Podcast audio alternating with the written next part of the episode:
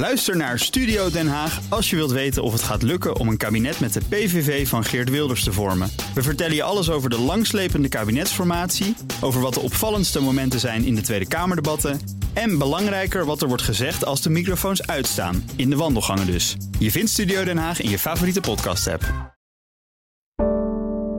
Een goedemorgen van het FD. Ik ben Pauline Zwuster en het is maandag 11 september.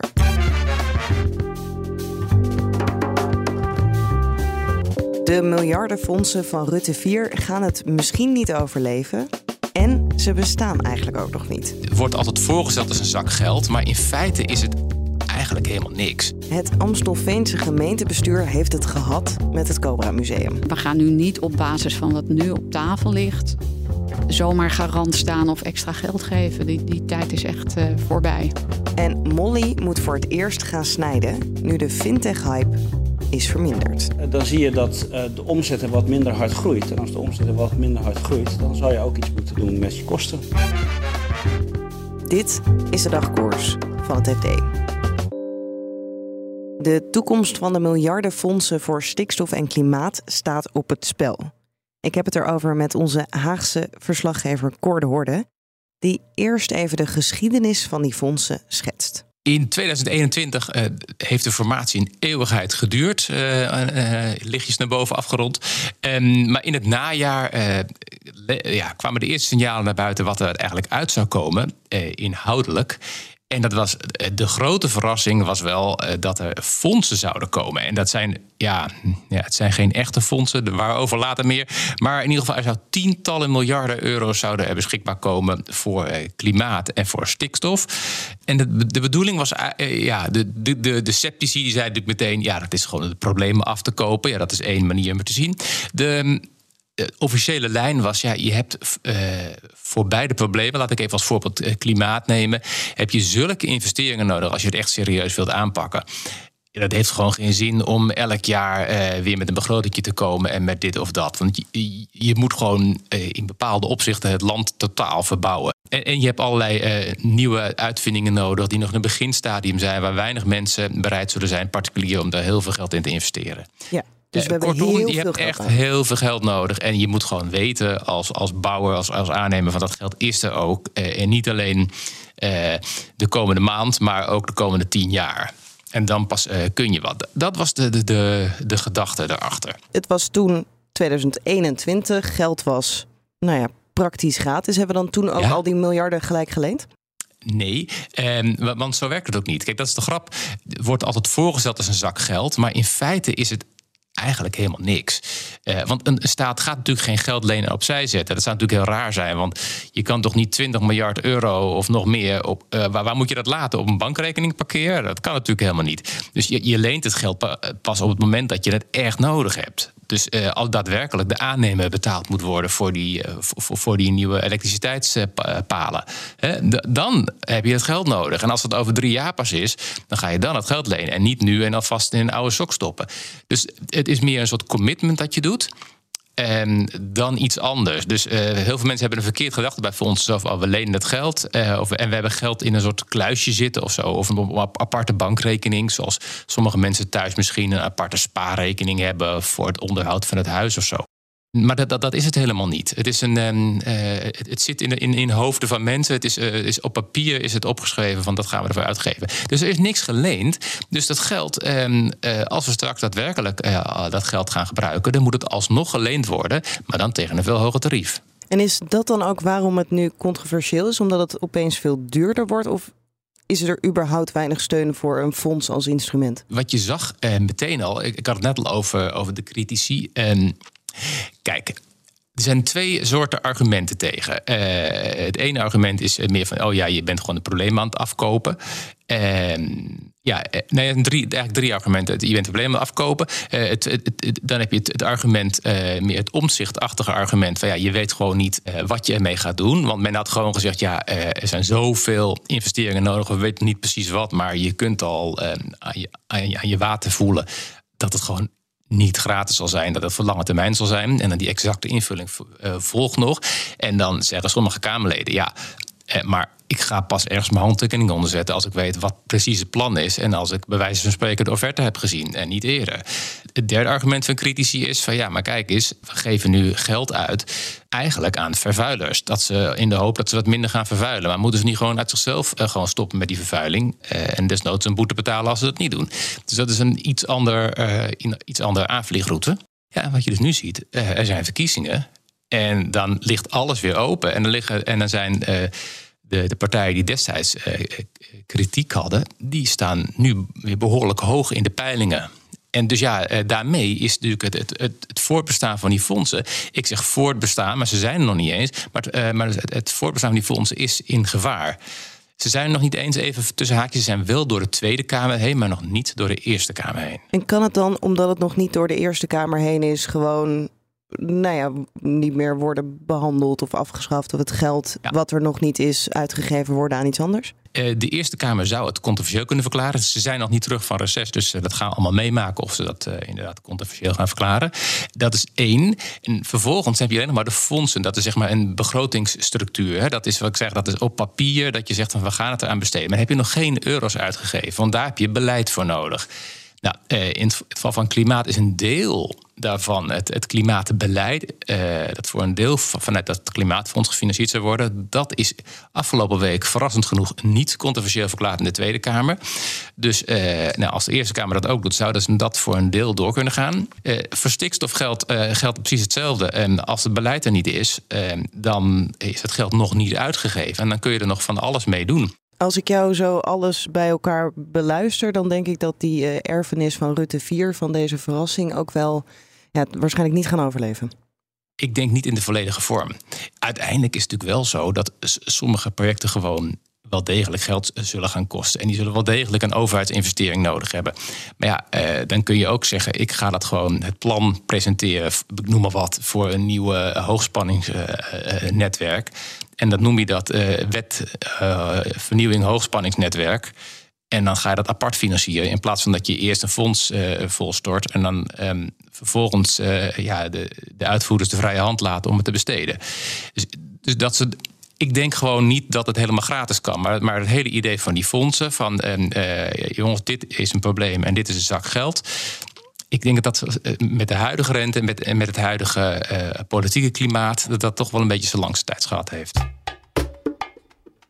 Woensdag stemt de Amstelveense gemeenteraad over de subsidie van het Cobra Museum.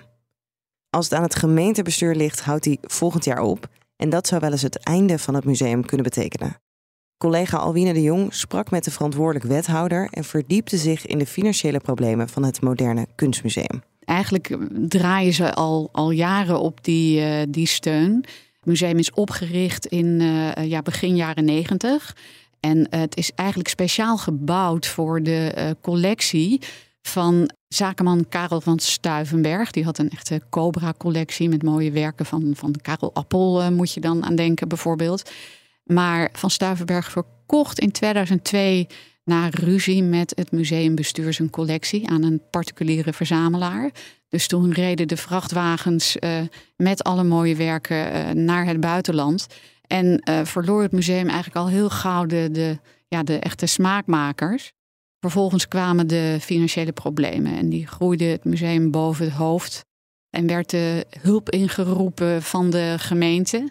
En die kocht het gebouw van het museum. En in ruil daarvoor werd een, een soort overeenkomst gesloten dat er dan ja, subsidie gegeven zou blijven worden. Eh, voor een hele lange periode. Dat die overeenkomst liep pas af uh, medio 2020. En nu dus, als het aan de gemeente ligt in 2024. Jij hebt gesproken met uh, de wethouder die hierover gaat in Amstelveen.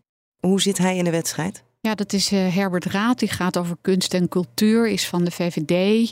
Hij is eigenlijk al sinds 2018 bezig om de kat de bel aan te binden, zoals hij uh, dat zelf uitdrukt. En hij maande het museumbestuur om op te gaan letten, want straks zou de overeenkomst aflopen en dan zouden ze er wat strenger naar gaan kijken. Want hij zag ze interen op het eigen vermogen en zag dat het niet goed ging. Ja, daarna kwam de coronapandemie. Dus ja, dan is het ook niet zo aardig om meteen uh, erin te springen. Maar goed, in juni moest het college een besluit nemen over een jaarlijkse subsidie van 1,2 miljoen. Dan weer voor een periode van uh, vier jaar. En um, ja, de, de cijfers zagen er weer slecht uit. Het was weer een verlies uh, over 22 van 3,5 ton. Dus zeiden ze van nou, ga maar even een goed plan laten zien en een uh, prognose presenteren.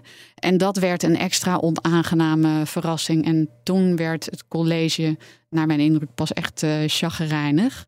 En ja, ze zagen eigenlijk geen, geen, ze hebben eigenlijk geen hoop meer dat het uh, goed komt. En de ergernis zit hem er, denk ik, vooral in dat het een beetje een laid-back houding is van het museumbestuur. En dat die toch iets te veel in de wedstrijd zitten van het, het geld komt toch wel. Want ja, in de woorden van de wethouder, wij zijn het icoon van Amstelveen, dus kom op en betaal maar. En die vanzelfsprekendheid in combinatie met een wat ja, weinig ondernemende houding, die eh, begint het bestuur of het gemeentebestuur nu behoorlijk dwars te zitten. En dan ja, uh, dan gaan ze nu ja, toch, toch behoorlijk hard erin, inderdaad. Heeft het museum nu nog een kans? Kunnen zij nog iets indienen bij de wethouder waardoor ze toch nog die subsidie binnen kunnen halen? Ik weet het niet. Het college zegt wel dat ze openstaan voor een plan dat overtuigt. Maar dat zou dan echt een plan moeten zijn, echt een bezuinigingsplan en een reorganisatieplan.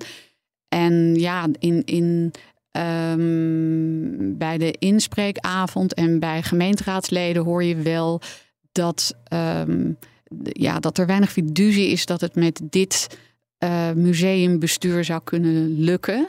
Dus je hoort veel stemmen zeggen van ja, als, als ze een soort zoenoffer brengen door ja, af te treden als directie en een nieuw bestuur aan te stellen, dat het dan misschien ja, geloofwaardiger zou zijn voor, uh, voor het college. Maar da daar wil eigenlijk de wethouder zich dan weer niet over uitspreken. Die zegt de politiek die gaat daar niet over.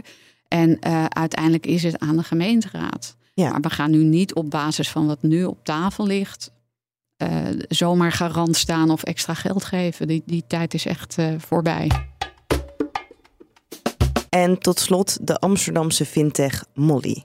Die moet gaan snijden in de kosten en gaat reorganiseren. Je hoort fintech-redacteur Rutger Bedlem. Molly is heel lang uh, een relatief kleine fintech geweest. Ze hadden de, de Nederlandse markt, op een gegeven moment de expansieplannen. Toen zijn ze naar wat andere landen gegaan. En als je naar andere landen gaat die weer harder groeien, dan kom je ook achter dat het een hoop geld kost. Dus ze zijn op zoek gegaan naar een investeerder. Daar hebben ze een hele goede timing voor gehad. Dat hebben ze gedaan op het hoogtepunt van de fintech-hype. Toen is er 665 miljoen euro los te peuteren van een aantal investeerders, waarvan een Blackstone de grootste was. Uh, die kregen er minder dan 10% van de aandelen voor. Dus dat was echt een superdeal. Uh, Molly werd gelijk gewaardeerd op 5,5 miljard. Nou, fors dus. Maar ja, uh, die fintech-hype is ook wat weg nu. En dan zie je dat de omzet wat minder hard groeit. En als de omzet wat minder hard groeit, dan zou je ook iets moeten doen met je kosten. Ja, en dan moeten ze voor het eerst in hun geschiedenis ingrijpen en snijden. Weten we wat precies de ingreep gaat worden? Niet exact. ik heb de oprichter gesproken. Heeft gezegd dat het een, een, relatief kleine ingreep is. Dus minder dan 10% van het personeel. er gaan ook wat functies veranderen. Hè. Dus er gaan gaan wat functies die worden verplaatst naar het kantoor in Maastricht. En um, er staan ook nog steeds heel veel functies open hè, bij dit bedrijf. Hè. Dus aan de ene kant krimpen ze, aan de andere kant groeien ze weer. En er staat ook de mensen die uh, twee weken geleden hoorden dat ze bovenvertallig zijn, ook vrij om te reageren op die functies. Hè. Dus het is nog helemaal niet gezegd dat die ehm, ongeveer 50 man waarover hij spreekt, uh, ook werkelijk allemaal even trekken. En het past wel een beetje in een trend dat de fintech-bedrijven, nou ja, toch voor het eerst de tering naar de nering moeten gaan zetten. Ja, dat is een uh, ontwikkeling die eigenlijk al wat langer aan de gang is. Hè. Dus het is eigenlijk al anderhalf jaar zeker aan de, gang. Is dat um, investeerders zijn wat terughoudender geworden. Uh, hebben meer focus op de winstgevendheid van bedrijven. letten wat sterker op de kosten, et cetera. En ja, je merkt gewoon dat het, uh, het financieringskapitaal uh, uh, schaarser wordt, dat de condities anders worden voor de financiering, et cetera. Dus de, De fintech sector die gaat door een wat moeilijkere tijd heen. Um, en wat dat betreft is het nog steeds goed natuurlijk dat Molly hier precies op tijd zijn geld opgehaald heeft.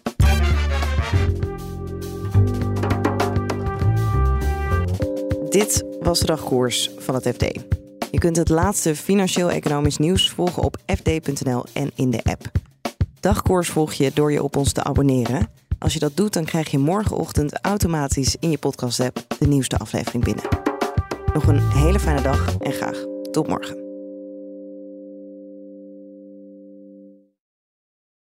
Ook Hugo Reitsma vind je in de BNR-app. Superhandig die BNR-app. Je kunt alle programma's live luisteren, breaking nieuwsmeldingen. Je blijft op de hoogte van het laatste zakelijke nieuws. En je vindt er alle BNR-podcasts, waaronder natuurlijk de belangrijkste, Boeken zijn in de wijk. Download nu de gratis BNR-app en blijf scherp.